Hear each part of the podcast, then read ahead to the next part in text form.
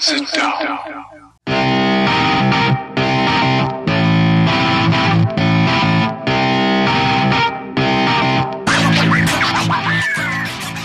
Witam wszystkich i każdego z osobna. Ja jestem Robert Kochan, a to jest Kochana NBA, najbardziej nieobiektywny podcast o najlepszej koszykarskiej lidze świata. To już 91 odcinek, a razem ze mną jak zwykle jest tutaj Wiaro. Siema Wiaro, co tam u Ciebie słychać w ten piąteczek? Siema Robert, cześć wszystkim. No wiesz co, mamy bardzo taki deszczowy, burzowy piąteczek od samego rana, burze i niepogoda w Krakowie. E, No ale cóż, e, nie zwalniamy tempa, podcast podcastem, a zresztą w NBA dzieje się tyle, że ciężko się nudzić. No, ciężko się nudzić. Tak jak wspomniałeś, nad Krakowem czarne chmury, no i nad niektórymi e, organizacjami być może też. O tym sobie dzisiaj pewnie będziemy chcieli porozmawiać. No, ale zaczniemy, myślę, z grubej rury, od takiego największego tematu chyba ostatniego tygodnia, no bo w ramach wymiany e, Rudy Gobert trafił do Minnesoty Timberwolves, tak? którzy w zamian otrzymali Malika Beasley, Patryka Beverly, Leandro Bolmaro, e, Walkera Kesslera, czyli 22 pik z tegorocznego draftu oraz Jandera Vanderbilta. No i jakby tego było mało, to jeszcze cały, cały pakiet first round pików i swapów. Łącznie cztery first round piki, począwszy od 23 do 29 co drugi rok wy, wytradowane, cztery właśnie takie pierwszorundowe piki, no i do tego jeszcze pick swap w 2026 roku. Więc w sumie, biorąc pod uwagę to, że właśnie Walker Kessler jest 22 wyborem z tegorocznego draftu, no to poszło pięć pierwszorundowych pików, no i jeden, jeden pick swap, więc całkiem, całkiem spora paczka, o tym sobie pewnie porozmawiamy. No bo właśnie, z jednej strony tutaj takie, takie skarby wydaje się, tak? Cała masa tych pików, no a z drugiej strony Rudy Gobert, 30 lat, dziesiąty sezon w NBA, tak? To CV, jeżeli chodzi o defensywne osiągnięcia tej, w tej dziesięcioletniej karierze, no nawet można powiedzieć imponujące, tak? Trzykrotny Defensive Player of the Year, sześciokrotny First Team All NBA Defense, ale do tego też trzykrotny All-Star. Gość, który w poprzednim sezonie robił średnio 16 punktów i 15 zbiórek i do tego jeszcze dwa bloki średnio. No i właśnie, podpisał też e, dopiero co extension z Utah Jazz, którego pierwszy rok obowiązywania miał miejsce e, w roku poprzednim, no i zostało mu jeszcze 4 lata tego kontraktu, warte 170 milionów dolarów, bagatela. W ostatnim roku e, tego kontraktu on będzie miał player option, to będzie 2025-26. Rudy będzie miał wtedy 33 lata i będzie zarabiał 47 milionów dolarów, więc no właśnie, z jednej strony to wszystko, co dała Minnesota, z drugiej strony Rudy Gobert. Taka wymiana. I ja jestem ciekaw tutaj, jakby bardzo czekam na ten moment, bo, bo jak tylko zobaczyłem tego trade'a, to wiedziałem, że to może być bardzo ciekawy odcinek, więc Wiaro, zapytam Cię właśnie, jak Ci się podoba ten trade i, i nie wiem, jaką ocenę byś wystawił poszczególnym drużynom może? No słuchaj, no to jest bardzo ciekawy temat, ten trade. E, no cóż, moje uczucia, czy też moja, moja opinia na temat Rudiego Goberta i tego, co on sobą prezentuje, jest już wszemi wobec znana, ale gdyby tak się zdarzyło, że ktoś jeszcze nie słyszał, to ja uważam, że to jest jeden z najbardziej przereklamowanych zawodników w lidze dzisiaj e, i gość, który absolutnie nie zasługuje na, takie, na taką opinię, jaka o nim krąży i nie daje ci tyle na boisku, ile kazałyby właśnie, e, kazałoby to jego CV przypuszczać. No powiem ci tak, jest takie stare polskie powiedzenie, że oddajesz za coś pół królestwa i księżniczkę. Mm, no Minnesota postanowiła za Rudy'ego Goberta oddać króla, królową, całe królestwo i pół księżniczki. No, no ile tylko mogli, to po prostu dali.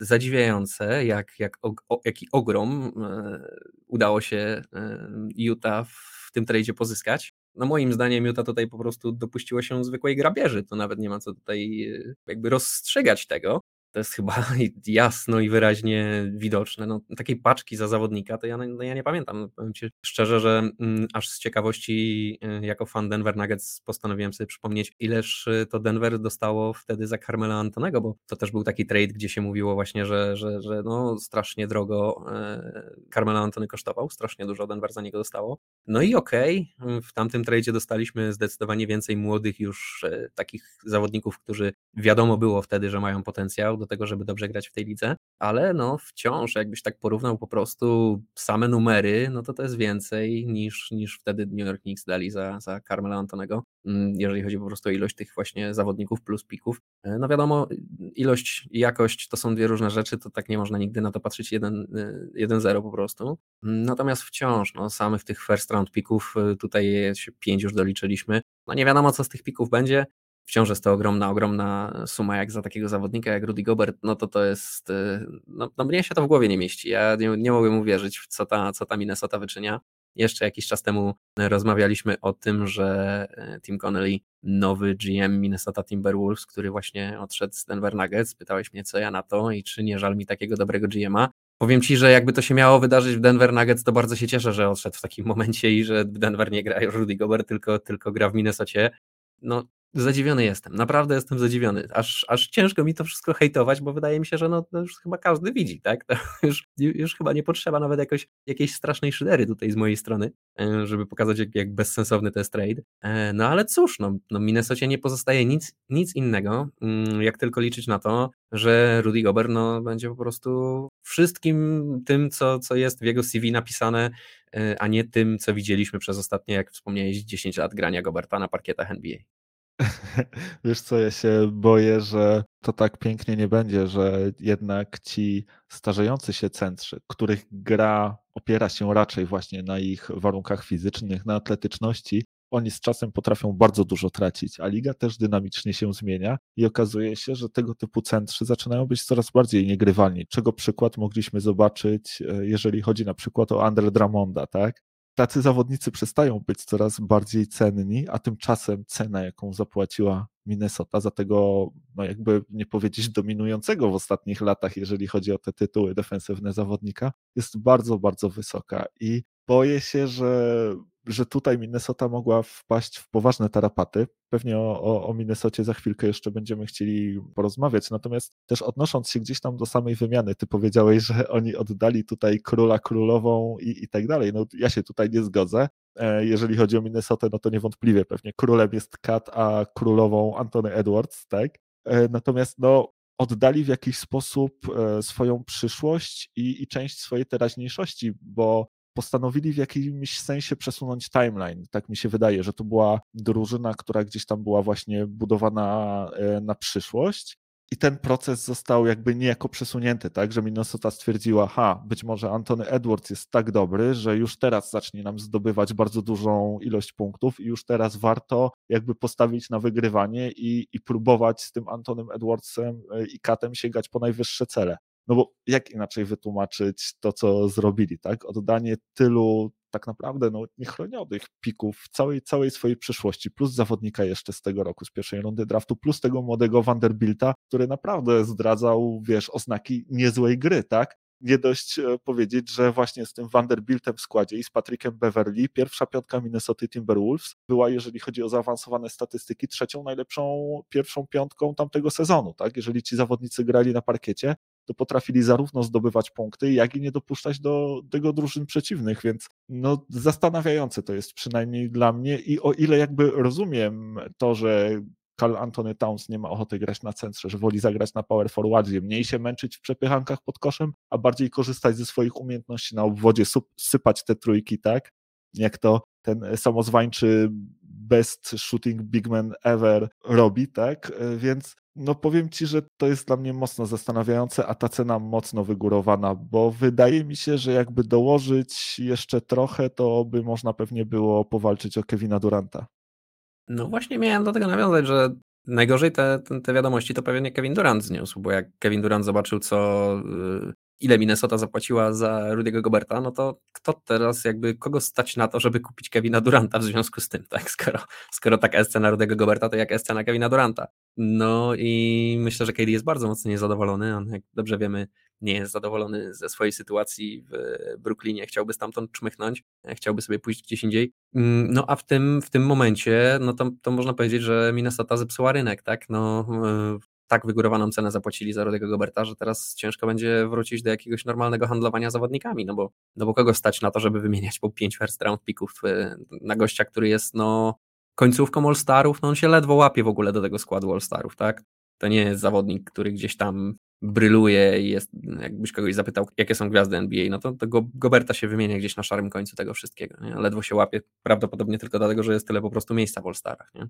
E, więc y, no, no słabe, to jest strasznie moim zdaniem. Nie? Zobaczymy jak teraz właśnie będzie, czy to się nie odbije czkawką tak naprawdę całej lidze i jak teraz będą wy wyglądały takie wymiany, co będzie właśnie z Kevinem Durantem i innymi zawodnikami, no bo strasznie wygórowali cenę. No słuchaj, no to jak już tak wspomniałeś o tej Minnesocie, to może skupmy się na niej troszkę bardziej i, i, właśnie pogadajmy o tym zespole. No trzeba pamiętać, że to jest zespół, który niemalże świętował w poprzednim roku mistrzostwo, tak? Kiedy oni przecież awansowali z tych play-in do playoffów, kiedy pokonali Clippers, to wychodzili tam na stoliki, prężyli muskuły, tak? Skakali, cieszyli się, jakby właśnie co najmniej mistrzostwo wygrali.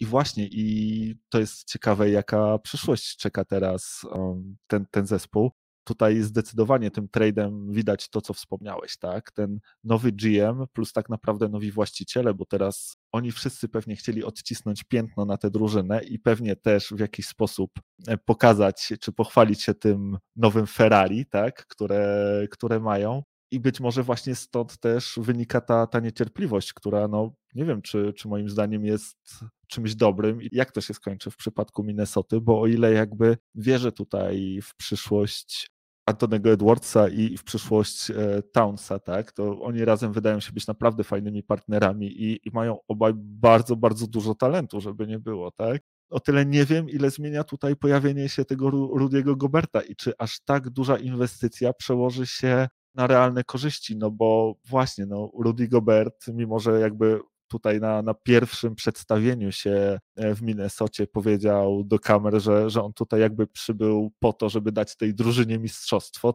no to jednak trzeba pamiętać, że to jest gość, który raczej no, nie przyzwyczaił nas do tego, że wychodzi poza drugą rundę playoffs. Na pewno Timberwolves chcieliby poprawić e, swoje osiągnięcia z poprzedniego sezonu, natomiast no właśnie, ja nie jestem wcale pewien tego, czy, czy Rudy Gobert będzie w stanie ich przez tą drugą rundę przewieźć do, do finałów konferencji ciasno jest na tym zachodzie, tam będą naprawdę bardzo dobre zespoły i to nie jest e, gwarancja tego. Bardzo, bardzo mnie to wszystko zastanawia. No, co Rudy oznacza dla tych Timberwolves, no i jaki jest twoim zdaniem ich sufit?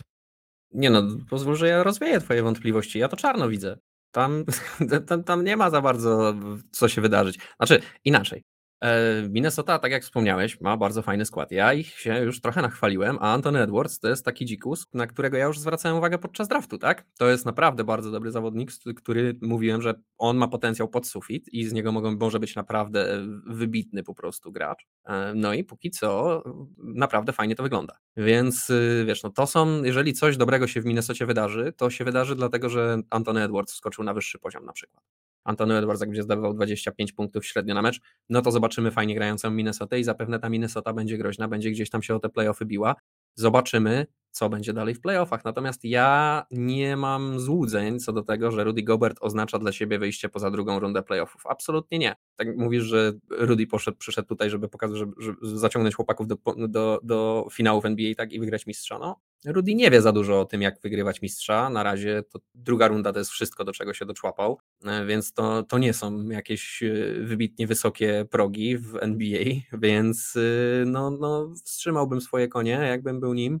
Rudy ci nie gwarantuje tak naprawdę, oprócz tego, że, że no będzie dobra defensywa podkoszowa, no to co on ci więcej daje, tak? Ciężko liczyć na jakiekolwiek punkty, na jakąkolwiek ofensywę z jego strony, więc tutaj wszystko będzie się opierało na Karlu Antonym Townsie i na Antonym Edwardsie. No i w porządku. Ja wierzę w to, że to może nieźle wyglądać, ale ta drużyna nie będzie moim zdaniem lepsza od zachodu, ewidentnie. Nie będzie faworytem do niczego. E, no i będzie jej trudno tutaj wyjść poza drugą, drugą rundę playoffów. Ja tego kompletnie nie widzę. E, Rudy Gobert to jest taki zawodnik, który akurat w playoffach jest no, bezlitośnie wykorzystywany. Mm, wszystkie, można powiedzieć, jego e, słabe strony widać wtedy jak, jak na dłoni. Więc no, no, no marnie to wygląda. Wiesz co, no ja w ogóle nie jestem fanem tego trade'a. Tak dla mnie to jest taka sytuacja, że wszyscy tutaj tracą. E, obie drużyny tak naprawdę i Anthony Edwards i nawet, tak jak mówię, rykoszetem się tutaj Kevinowi Durantowi obrywa, nie? więc to, to jest taki, taki trade, który no bardzo dużo moim zdaniem popsuje, nie, niewiele gdziekolwiek naprawi. No ja powiem Ci tak, moim zdaniem Rudy Gobert jest tak naprawdę, a przynajmniej może być, bo, bo niekoniecznie być może się okaże, że ten trade wypali, tak, że wszystko to, co my mówimy, wypali nam w twarz i okaże się, że naprawdę to był ten brakujący pis, którego brakowało e, Minnesocie, natomiast Ja jednak bliżej jestem takiego stanowiska, że Rudy Gobert jest o krok od tego, żeby zostać kolejnym DeAndre Jordanem i że za chwilę się może okazać, że ten właśnie starzejący się wielkolud, którego głównym atutem była właśnie ta, ta defensywa, ta, ta gdzieś tam atletyczność. No Rudy jest też do tego długi, ale jednak mimo wszystko gdzieś tam na tym bazuje jego gra, tak? On kiedy zrobi więcej niż jeden kozioł w akcji, to jego statystyki nagle drastycznie spadają, tak, na, na łeb, na szyję, więc jego gra jakby bazuje na, na innych elementach i to się często kiepsko starzeje, a kiedy to się kiepsko starzeje przy tak wysokich kontraktach, e, no to naprawdę, wiesz, no może się okazać, że Rudy Gobert e, za, nie wiem, dwa, trzy sezony będzie zupełnie w playoffach niegrywalny, a będzie trzeba mu płacić prawie 50 milionów dolarów, może się okazać, że to będzie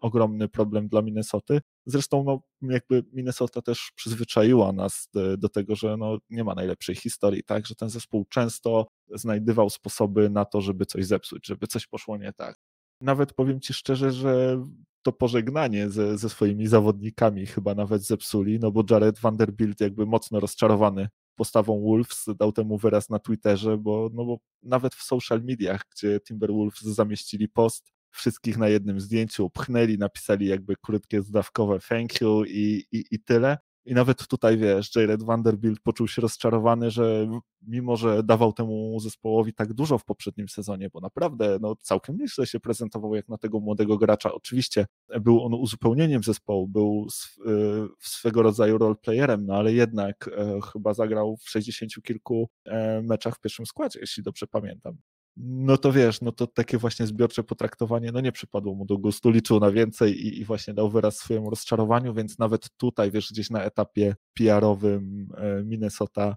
chyba nie dała radę. No ale właśnie, jest też ta druga strona, jest też Utah. Ty powiedziałeś, że tutaj jakby z obu stron e, ten trade źle oceniasz. Rozumiem, że jeżeli chodzi o Utah, też nie jesteś zadowolony z tego, co otrzymali? Nie, no to nie jest tak, że nie jestem zadowolony, no więcej się raczej za Rudego Goberta dostać nie dało. No ale umówmy się, no jeżeli nie trafią w drafcie z tym wśród tych pików nic y, naprawdę fajnego, a jest duża szansa na to, że nie trafią, bo tak działają losy na loterii, że ciężko jest coś ugrać, to tak naprawdę oddali Rudego Goberta za zawodników, którzy prawdopodobnie za 2-3 lata będą grali w zupełnie innych drużynach. No może Jared Vanderbilt się utrzyma w tej drużynie. No nie wiem, zobaczymy też, co z Rukiego ewentualnie wyrośnie, tak? No ale na ten moment ciężko oceniać, żeby tutaj dostali jakąś, e, jakieś solidne wsparcie. Żaden z tych zawodników, których, których dostali, nie, nie ma przed sobą jakiejś świetlanej kariery, nie jest to jakaś młoda gwiazda, nie jest to jakiś młody all-star, któremu potrzeba po prostu, nie wiem, sezonu czy dwóch, żeby się ograć. To są raczej zawodnicy, z których nawet jeżeli coś wyrośnie, no to to będą, to będą po prostu goście, którzy będą gdzieś tam fajnie uzupełniali twój skład. Więc tak po prawdzie wszystko się o te piki rozbija i z tymi pikami tutaj zobaczymy, co się stanie i co zostanie jakby wybrane i, i, i co Utah tak naprawdę za tego Rudy'ego Goberta e, otrzyma. A Minnesota, biorąc pod uwagę, jak w tym momencie wygląda ich skład i jak to będzie wyglądało przez najbliższe parę lat, to nie wydaje się, że będzie drużyną kiepską. Tak? Nie, nie będzie na pewno jedną z trzech czy czterech najgorszych drużyn w lidze, a przynajmniej no, bardzo marne szanse na to są, że będzie aż tak źle w tej drużynie. Jakby nie było wciąż jest tam Karl Anthony Towns i Anton Edwards, no to, no to te piki nie, to i te piki nie będą wtedy jakieś super wysokie, tak? Będą prawdopodobnie jakieś e, tam, nie wiem, 20 do 30 e, wybory w drafcie a z takim pikiem w pierwszej rundzie, nawet jak masz ja 4, e, no to ciężko jest trafić jakiegoś naprawdę dobrego zawodnika, no plus mają swap, nie? także ten swap też może się tak naprawdę nanizać za dwa lata bodaj, tak, o ile dobrze kojarzę, dwa sezony i w trzecim sezonie no, po tym, który teraz nadchodzi, no Minnesota raczej będzie, będzie lepszym zespołem niż Utah za te 2-3 lata, więc prawdopodobnie ten pick swap, czyli ta zamiana pików, tak naprawdę zamiana numerów w drafcie też na niewiele im się zda, nie? Pod tym kątem. To nie, nie wydaje mi się, żeby to, było, to był po prostu trade, na którym tutaj Utah jakoś e, strasznie mocno zyskuje. No, pomijając to, że to są oczywiście losy na loterii. Te losy na loterii są cenne. Na loterii jakby nie było można dużo wygrać. Teraz tutaj już będzie bardzo dużo zależało od front office'u i od tego, jakie mamy draft klasy, z czego jest wybierać, jakie numery to będą. E, no jest jeszcze dużo niewiadomych, które tak naprawdę wyjaśnią, czy to będzie dobry trade, czy nie ale też biorąc pod uwagę taki, taki czynnik prosty, co tak naprawdę Utah Jazz y, oddali, y, żeby tego Rudy'ego Goberta do siebie znowu ściągnąć, bo przecież Rudy Gobert to nie jest, to nie jest ich wybór w drafcie, no to można powiedzieć, że no grubo pomnożyli, tak, to co oddali za, za Rudy'ego Goberta.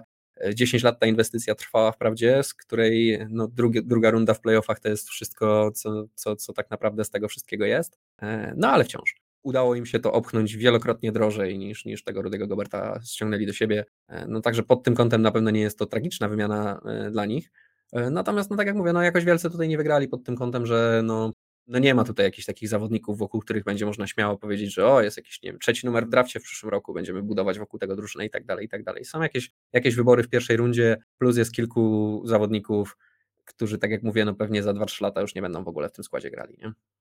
No może być różnie. Ten swap, o którym mówiłeś, on będzie miał miejsce w roku 2026. Na koniec ostatniego sezonu Goberta według tego kontraktu w Minnesocie. Potem jeszcze będą dwa first round piki dla Utah Jazz. Ten z 2029 roku to, to nie wiem, chłopak, który z tym pikiem trafi do drużyny Jazz, ma pewnie teraz 12 lat i totalnie nie zdaje sobie z tego sprawy, e, że, że, że takie coś może mieć miejsce.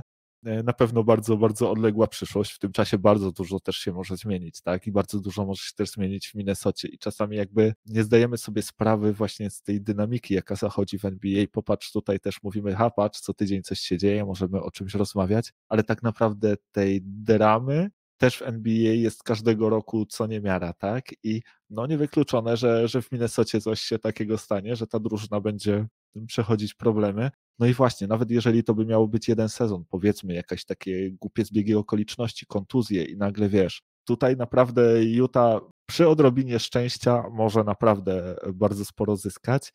No jeżeli chodzi o te wymiany, no to też zabawne jest to, że Patrick Beverly po raz kolejny zmienia zespół. Ten gość chyba żyje na walizkach, można powiedzieć, bo już tyle zespołów w NBA zwiedził i wszędzie jest zaangażowany. Tutaj właśnie był jednym z tych, którzy skakali po stolikach, tak, po ostatnim e, wygraniu play-inów. E, no i on chciał być tym weteranem dla, dla Kata, dla Antonego Edwardsa, miał być właśnie tym ich ważnym partnerem zespołu, wsparciem i, i tym gościem, który jakby zmobilizuje i, i poprowadzi tę drużynę do wygrywania w playoffach. Okazało się, że pozbyli się go przy pierwszej okazji, tak, i, i, jego kontraktu. No i Pat będzie teraz e, musiał się w Utah przebudowywać, a może nie przebudowywać, bo tutaj też jest e, bardzo ciekawe, bo, bo przecież Utah tak naprawdę może wykorzystać te piki do tego, żeby spróbować sięgnąć po innego zawodnika, tak? ona może je ciągle jakby tradeować, ma też jeszcze, mają też jeszcze swoje, więc e, tutaj e, dodając do tego, wiesz, zawodników, których e, mają w zespole, takich jak Jordan Clarkson, jak Mike Conley, pewnie są w stanie stworzyć jakąś taką ciekawą paczkę i być może właśnie poszukać partnera dla Donawana Michela. Tutaj ta, ta przyszłość Utah ciągle jest moim zdaniem przynajmniej bardzo niepewna zwłaszcza, że tutaj za sterami jakby zespołu prawdziwy maestro, tak, dany Ainge, i tutaj w przypadku danego Angela ta historia z tym tradem, ona trochę też się e, zdaje powtarzać, tak? Bo tutaj jakby były sygnały, że ten Rudy Gobert może zostać wytradowany. Też e, zresztą jeden z takich sygnałów stał się memem, kiedy Brian Windhorst e, na antenie ESPN 2 właśnie przywołał trade Royce'a O'Neilla, jednego przecież z kluczowych defensorów Utah Jazz do, do Brooklyn Nets w zamian za first round picka. Stwierdził, że no, coś podejrzanego się dzieje, że, że co się dzieje w Utah. No i właśnie kilka godzin później Rudy Gobert wytradowany za te piki to wszystko było też poprzedzone przecież zatrudnieniem nowego trenera do, do drużyny Utah. Podobna sytuacja miała miejsce, kiedy Brad Stevens został zatrudniony właśnie przez danego Angela w Boston Celtics. Też debiutujący trener, kontrakt na 5 lat i zaraz po tym trade największych gwiazd do, do Boston i okazuje się, że, że niby przechodzimy przebudowę.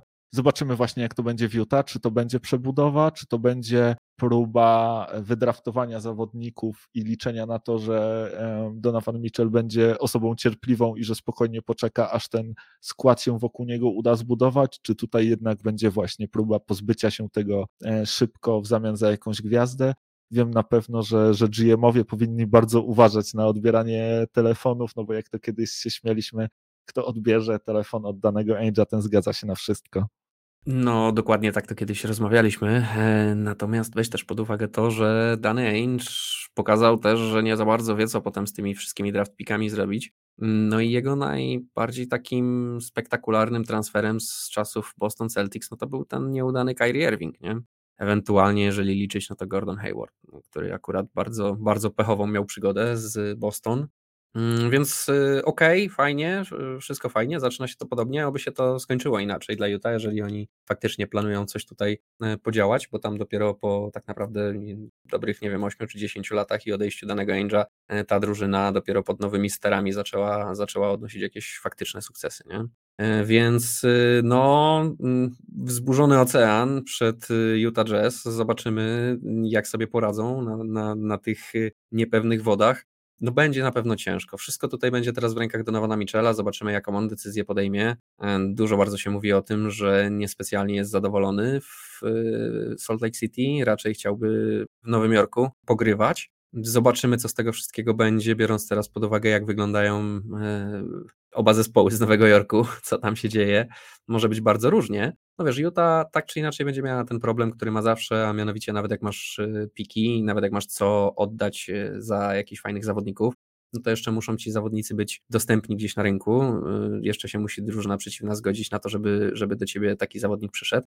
No i jeszcze cały czas musisz pamiętać o tym, że podejmujesz to ryzyko, że no taki zawodnik może być niezadowolony, no taki na przykład Kevin Durant w tym roku. No teoretycznie Utah ma teraz wszystko, czego potrzeba, żeby mogłaby wszystko to oddać z powrotem za Kevina Duranta, tak?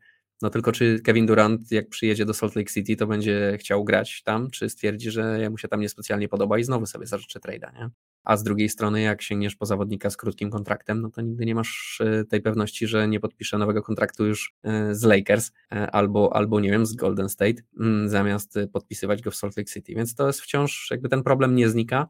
Fajnie, że mają troszkę więcej asetów do wydania, mm, żeby, żeby jakby realizować tą taktykę, o której tutaj opowiadałeś. No ale wciąż może być bardzo różnie. No tutaj jednak większość tych decyzji nie będzie zależała od Juty, mm, będzie zależała, czy też, przepraszam, od Utah, będzie zależała od y, Donowana Michela, czy też zawodników, po których Utah będzie chciała sięgać, tak? Tutaj będzie raczej e, dużo trzeba będzie rozmawiać z tymi zawodnikami wcześniej, upewnić się, że na pewno chcą u ciebie grać przez te najbliższe parę lat, no bo wiemy, jak jest w dzisiejszych czasach, nie? Widać to e, po, po projekcie Brooklyn Nets, jak się, jak się jak, jak kapryśne mamy dzisiejsze gwiazdy. No to szybko na koniec, jak oceniasz w skali od 1 do 5 ten trade dla poszczególnych zespołów? Um, no, wiesz co, po tym wszystkim, co powiedziałem, to teraz nie wypadałoby e, oceniać tego pozytywnie w jakikolwiek sposób. E, więc e, no, dla Minnesoty to będzie jeden, a dla Utah no, to będzie trzy, ze względu na to, że tak jak mówię, przekuli Rudiego Goberta w naprawdę dużo różnych asetów. Zobaczymy jeszcze, jak to będą potężne asety. Ta trójeczka ma tutaj, powinna mieć gwiazdkę, bo to, to może być zarówno jedynka, jak i piątka. Wszystko zależy od tego, czy uda się wygrać na loterii. No to ja chyba jestem troszkę bardziej optymistyczny. Ja tutaj jakby dałbym ten, jak to się mówi, benefit of the doubt Minnesocie, tak? I jednak na dwójeczkę dla nich bym ocenił tego trade'a. Optymizm. Widzę gdzieś tam taki wszechświat, że ten projekt się może udać, że, że może ja tego nie dostrzegam, ale jest dla tej drużyny szansa i Rudy Gobert jest tym, czego jej brakowało. E, więc, więc tutaj jakby dlatego ta dwójka, no ale mimo wszystko uważam, że ta cena jest drastycznie za wysoka, no i, i właśnie dlatego też ta czwóreczka e, dla mm, Utah Jazz, no bo tych pików co nie miara, natomiast no właśnie z tego może ostatecznie nic nie wyjść, więc tutaj też sobie zostawiam ten margines bezpieczeństwa, e, dlatego właśnie 2 i 4. Dobra, słuchaj, no to przejdźmy do drugiego może trade'a, który się wydarzył, troszkę mniej spektakularnego, jeśli tak można powiedzieć. Natomiast moim zdaniem też bardzo ciekawego, bo Malcolm Brogdon zmienił e, barwy zespołowe, tak, barwy klubowe i trafił do Boston Celtics w zamian za Arona Naismitha, Daniela Tysa, Nika Stauskasa, e, Malika Fitza, Juana Morgana i wybór w pierwszej rundzie draftu w 2023 roku. No i właśnie, Boston Celtics wzmacniają się na backcourcie zgarniają e, Malcolma Brogdona. Jego ostatni rok kontraktu wart 22,5 e, miliona. Jeżeli Brogdon grał, to, to z całkiem niezłej strony się pokazywał. E, ten ostatni sezon no to było średnio 19 punktów, 5 biurek i 6 asyst, chociaż tylko w 33 meczach zagrał jeżeli Brogdon gra, no to jest też znany z tego, że jest właśnie graczem takim inteligentnym, że podejmuje mądre decyzje boiskowe i że potrafi też naprawdę nieźle rzucać. Tutaj takie statystyki jak 45% z pola, czy prawie 40% za 3 nie powinny nikogo dziwić. Ten wskaźnik z osobistych też się zbliża do 90%. Co prawda, właśnie ten ostatni sezon był gorszy, jeżeli chodzi o skuteczność trójek, natomiast jest to zawodnik, który w dobrej formie ma potencjał na to 50, 40, 90, takie e, słynne i pożądane. Tylko no właśnie, jeżeli gra, tak? Jeżeli, jeżeli jest na boisku, jeżeli można na niego liczyć, bo, bo z tym naprawdę jest kiepsko, on chyba jeszcze nie zagrał takiego sezonu, w którym zagrałby po prostu we wszystkich meczach. Zawsze gdzieś tam się kontuzjował, zawsze doskwierała mu czy to prawa kostka, czy coś innego. No i ciężko jest na niego liczyć i, i z tego względu chyba ta cena też taka niewysoka, bo, bo oprócz tego pierwszego piku, no to raczej takie jak to się mówi, wypełnienie salary, nie? E, więc cena niewysoka, dla Celtics potencjalnie chyba spora wygrana ryzykują tutaj, tak? Kupili ten sławetny los na loterii w przypadku Brongdona i, i, i, będą wierzyli w to, że, że będą mogli wzmocnić ten backcourt. No ale właśnie, jestem ciekaw, co, co ty o tym myślisz, co, co teraz powiedziałem i jak tobie się ten trade podoba. Wiesz co, ja jestem też chyba trochę mniej optymistycznie tutaj nastawiony do ciebie. E, wydaje mi się, ale w dużej mierze się z tą zgadzam. Dobry trade dla, dla, dla Boston, to na pewno. Boston musi szukać wzmocnień, nie jakiejś y, rewolucji w tym składzie raczej właśnie takich y, tutaj drobnych rzeczy. No ewidentnie mieli problem tutaj na backcourcie, potrzebowali też wiesz kogoś, kto będzie w playoffach, jeżeli będą faktycznie grane mecze o wysoką stawkę, będzie kimś, kogo można wpuścić w kluczowych momentach i liczyć na to, że da ci dobre minuty, nie? Nie wydaje mi się, żeby Brogdon miał jakąś y, ogromną rolę w zespole Celtics y, pełnić, ale to jest fajne uzupełnienie. Natomiast, no tak jak mówisz, jeżeli oczywiście będzie mógł grać, no to jest duży jednak znak zapytania i duża niewiadoma w jego przypadku często nie gra. No wiadomo, ciężko mieć do niego pretensje o to, no, no, zdrowie każdy ma jakie ma, no ale to jest, tak jak mówisz tutaj, pewnego rodzaju ryzyko, które Boston podejmuje, no ale też tak jak mówisz, nie jest drogo, nie? Ja nie, nie uważam, żeby to była też jakaś y, super, jakoś super tania, czy coś ten deseń, no to jest taka cena, jaką się za takich zawodników moim zdaniem płaci, nie? No e, Rudy Gobert tutaj mocno wywindował e, postrzeganie rzeczywistości i myślę, że nie tylko mojej, twojej, ale, ale, ale bardzo wielu osób wokół NBA teraz e, by się wydawało, że taki Malcolm Brogdon no to przynajmniej dwa first round piki powinien być warty, no ale jednak e, widać, że tutaj Boston nie zamierza przepłacać, zresztą Indiana mm, też taki zespół tam są rozsądni ludzie, tam, tam nie, ma, nie, nie ma oszołomów jakby tutaj w, po tej stronie akurat, więc Mm, można się było spodziewać czegoś takiego w miarę wyważonego jak ten trade. Zobaczymy, co, co z tego Brogdona będzie. Ja oczywiście trzymam kciuki. To jest fajny zawodnik, jak gra, no to tak jak mówisz, bardzo taki solidny gość. Nie, nie podejmuje głupich decyzji, nie popełnia błędów na boisku. E, nie jest może jakoś spektakularnie utalentowany, natomiast e, i rozegrać potrafi, i podać fajnie potrafi, i rzucić potrafi jak trzeba takich zawodników w Boston potrzebują. Jeżeli tylko będzie zdrowy, jeżeli tylko będzie mógł grać, to myślę, że będzie fajnym wzmocnieniem. No i myślę, że to jest też taki ruch na playoffy, że to już nie jest nawet myślane w ogóle pod kątem sezonu zasadniczego, tylko tego, jak to będzie wyglądało w playoffach, że takiego zawodnika gdzieś Boston brakowało, tylko Marcus Smart tak naprawdę na point guardzie e, mógł grać na jakimś takim przyzwoitym poziomie, więc e, myślę, że tutaj będzie bardzo fajnym wzmocnieniem w playoffach, jeżeli tylko będzie zdrowy. Dobry trade. No Boston zdecydowanie wzmocnienie w playoffach się przyda, bo przy tym jak ich rotacja się zwęziła w ostatnich playoffach i tym, że w zasadzie no, głównie grali, nie wiem, siódemką, ósemką zawodników, to na pewno tego typu wzmocnienie będzie bardzo ważne. Ja myślę, że Brogdon może tutaj w tej drużynie pełnić rolę sixthmana, że e, on może nie zaczynać meczów w pierwszym składzie, natomiast może się zdarzyć, że będzie te mecze bardzo często kończył. No bo właśnie zawodnik, tak jak wspomniałeś, niesamowicie inteligentny i to nie tylko na parkiecie, ale także poza nim, więc tutaj to ryzyko, y, czy będzie mógł występować, jest. Natomiast jeżeli chodzi o jego jakby obecność poza parkietem i to, co może wnieść do tego zespołu też jako swoja osobowość, to na pewno będzie bardzo cenne, bo to jest też taki lider społeczności, tak? Gość, który naprawdę ma poukładane pod kopułą, jest świetnym e, profesjonalistą i weteranem. No i właśnie wydaje mi się, że ta rola szóstego zawodnika może być dla niego naprawdę fajna. Ciekawe jest też to, o czym wspomniałeś, no bo właśnie ta Indiana, ona, oni są znani z tych tak zwanych fair trades, tak? To są ludzie przynajmniej, którzy do tej pory pokazywali, że ta etyka też, nawet jeżeli chodzi o negocjacje, o budowanie relacji pomiędzy organizacjami, jest na naprawdę wysokim poziomie i e, często pokazywali swoją klasę e, w tej materii. E, no i ten trade się też taki właśnie wydaje być wyważony na pewno cena Brogdona nie była wysoka, no bo w sumie on na tym rynku był już od jakiegoś czasu, tak? To jest też ostatni rok tego kontraktu. więc tutaj na pewno też nie można było liczyć na nie wiadomo co, a wydaje mi się, że, że właśnie Boston troszkę zyskali to, czego potrzebowali. Wiesz co, zyskali trochę takiego e, Gordona Haywarda na pozycji garda, tak? Czyli właśnie to, o czym mówiłeś, że no, ten Gordon Hayward powiedzieć, że miał pechowy początek, to to mało powiedzieć, bo złamanie nogi w piszczelu w pierwszym meczu po kilku minutach gry na parkiecie to jest tragedia, tak? E, no ale właśnie, Brogdon trochę przypomina mi Haywarda, e, jeżeli chodzi o to, jakim jest zawodnikiem, że on może też wypełniać te takie małe luki pomiędzy formacjami, że jakby wszystko potrafi robić dobrze i, i wydaje mi się, że to jest naprawdę fajny trade dla Boston Celtics. Dla Indiany, no zobaczymy, jak e, Boston będzie grało podobny sezon regularny jak poprzedni, to, to ten pik pewnie nie będzie zbyt wysoki, natomiast mam nadzieję, że, że kogoś fajnego sobie stamtąd wydraftują, bo naprawdę dobrze życzę tej organizacji. Wiesz, no tutaj też należy zrozumieć tą kwestię, że um, Indiana musiałaby Brogdonowi zapłacić w przyszłym roku albo oddać go za darmo do innego klubu. No to lepiej zgarnąć przynajmniej tego first round pika, nawet jeżeli to jest, tak jak mówisz tutaj, niezbyt wysoki pik, bo Boston Celtics raczej nikt z nas się nie spodziewa, żeby to był zespół, który będzie gdzieś e, szorował brzuchem od dno tabeli na wschodzie, raczej w drugą stronę, mm, więc e, no pik na pewno nie będzie za wysoki, no ale no cóż, no Brogdon jakby nie poszedł za tego pika w tym roku, no to poszedłby mm, prawdopodobnie do kogoś innego za rok, bo wątpię, żeby Indiana chciała jakieś wielkie pieniądze za Brogdona zapłacić.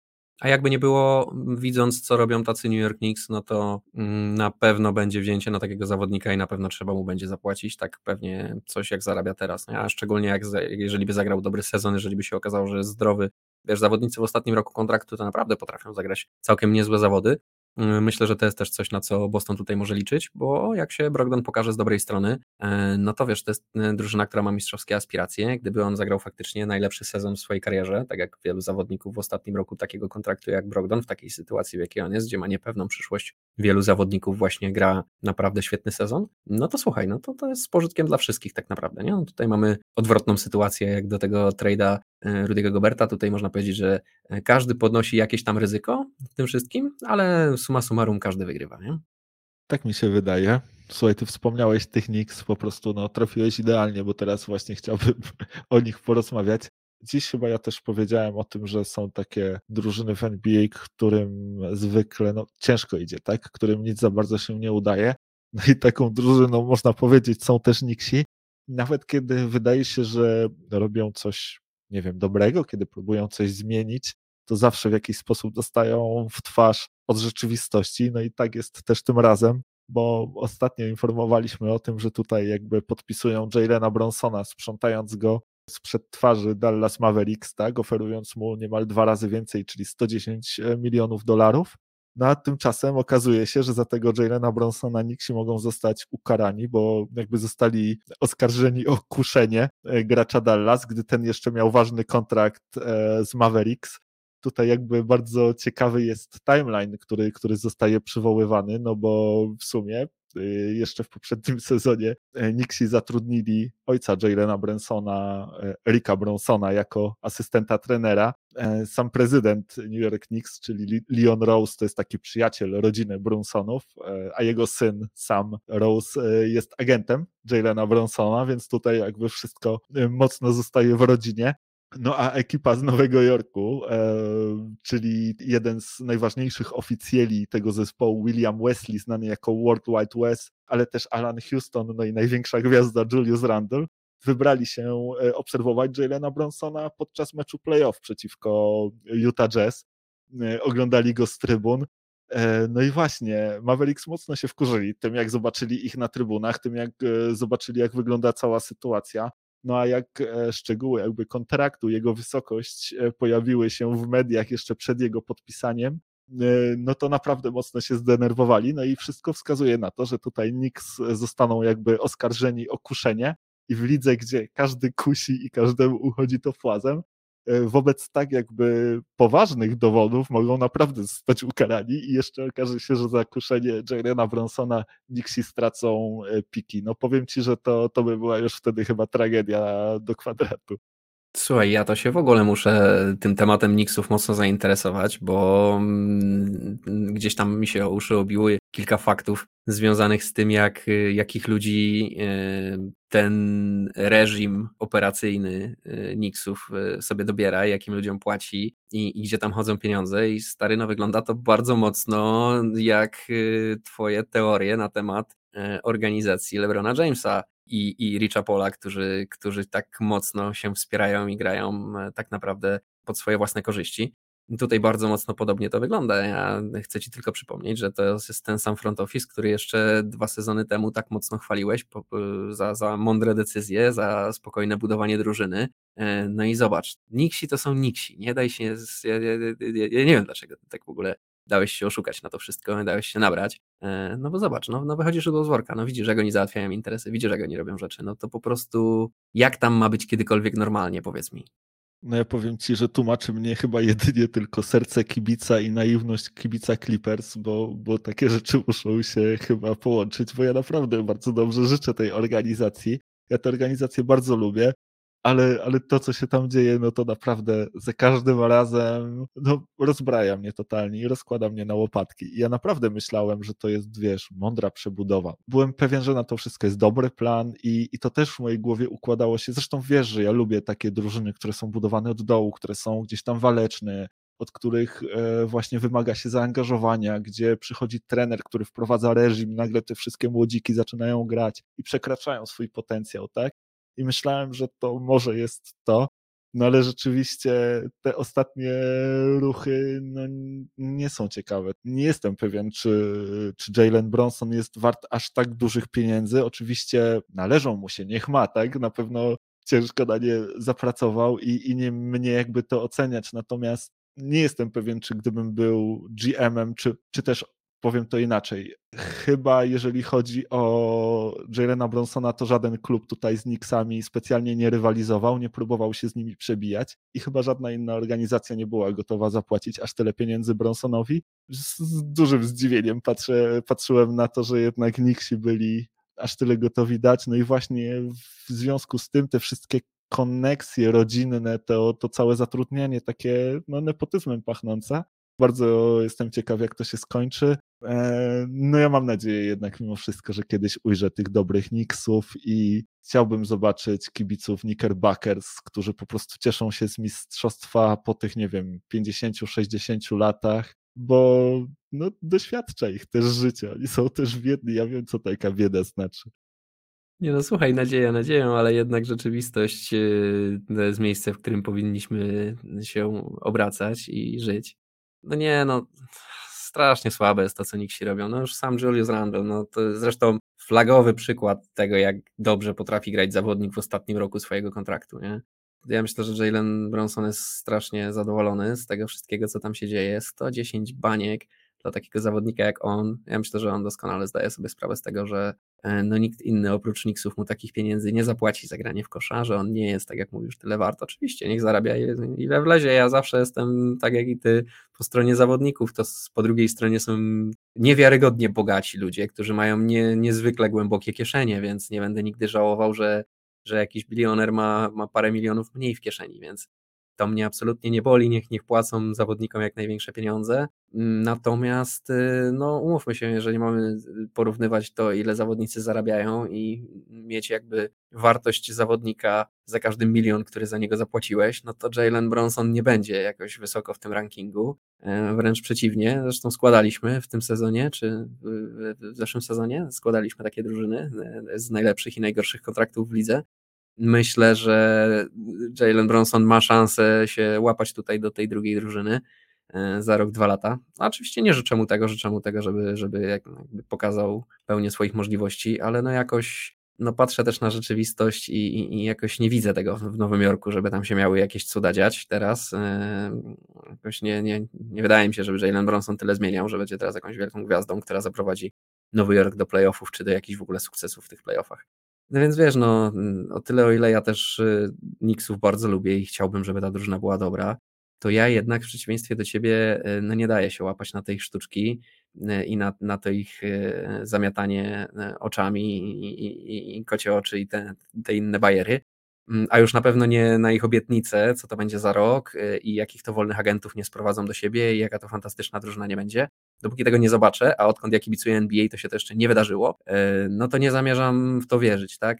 Uwierzę jak zobaczę. Lakersi przez ten czas, odkąd Nixi gadają o sprowadzeniu gwiazd, to sprowadzili sobie, no nie wiem ile tego, ale pewnie od groma, jakbyśmy to policzyli, to pewnie z, dwa dobre składy samych All-Starów byś złapał z trade'ów, które, które Lakersi przeprowadzili przez ostatnie 15 czy 20 lat. Więc są takie drużyny, które się budują w ten sposób, robiły to, już wielokrotnie udowodniły, że potrafią i można faktycznie liczyć na to, że tak będzie, a są takie drużyny jak Nixi, którzy by chcieli, z którymi wiele gwiazd zawsze flirtuje i zawsze opowiada, jak to fajnie się gra, tam mecze, w tym Madison Square Garden i tak dalej, i tak dalej, ale oprócz Carmela Antonego to nie pamiętam żadnej innej gwiazdy, która by powiedziała, że chce grać w tym Nowym Jorku i faktycznie poszła tam grać. Mimo, że Kevin Durant i Kyrie Irving mieli ten wybór, można powiedzieć, na talerzu pewnie nie raz, a kilka i postanowili mimo wszystko, nawet jak już chcieli w Nowym Jorku grać, to postanowili grać dla Brooklyn, a nie dla Knicksów. Także y, ja, jeżeli chodzi o Knicksów, to nie zmieniam zdania cały czas. Y, uwierzę, jak zobaczę. No to pewnie pozostaniesz niedowiarkiem jeszcze długo. E, na pewno będzie tak, że Jalen Bronson będzie w przyszłym sezonie w top 10 najlepiej zarabiających point guardów w lidze. Zobaczymy, czy będzie potrafił być też w top 10 point guardów. Potencjał na to ma. Oczywiście ma też swoje ograniczenia. To, e, że jest niewielkiego wzrostu, pewnie mu w tym nie pomoże. No ale zobaczymy, tak? Wszystko teraz przed nim. E, no i cóż, no i chyba na tym dzisiaj zakończymy. Bardzo dziękujemy Wam, że byliście z nami. Jesteśmy ciekawi, co macie do powiedzenia Wy na temat e, tych trade'ów, tych, tych wymian. Jakie Wy oceny wystawilibyście zarówno Utah, jak i Minnesocie za ten jakby najważniejszy trade ostatniego tygodnia? Dajcie nam znać na kontakt małpka albo od razu na Facebooku. E, piszcie, chętnie zobaczymy, co wy o tym myślicie i, i czy jesteście bardziej optymistami, czy pesymistami. No, tymczasem dziękujemy Wam bardzo raz jeszcze, że byliście z nami i co, no i do usłyszenia następnym razem. No, standardowo, nic dodać, nic ująć. Trzymajcie się cieplutko i do usłyszenia za tydzień. Cześć. Trzymajcie się, hej.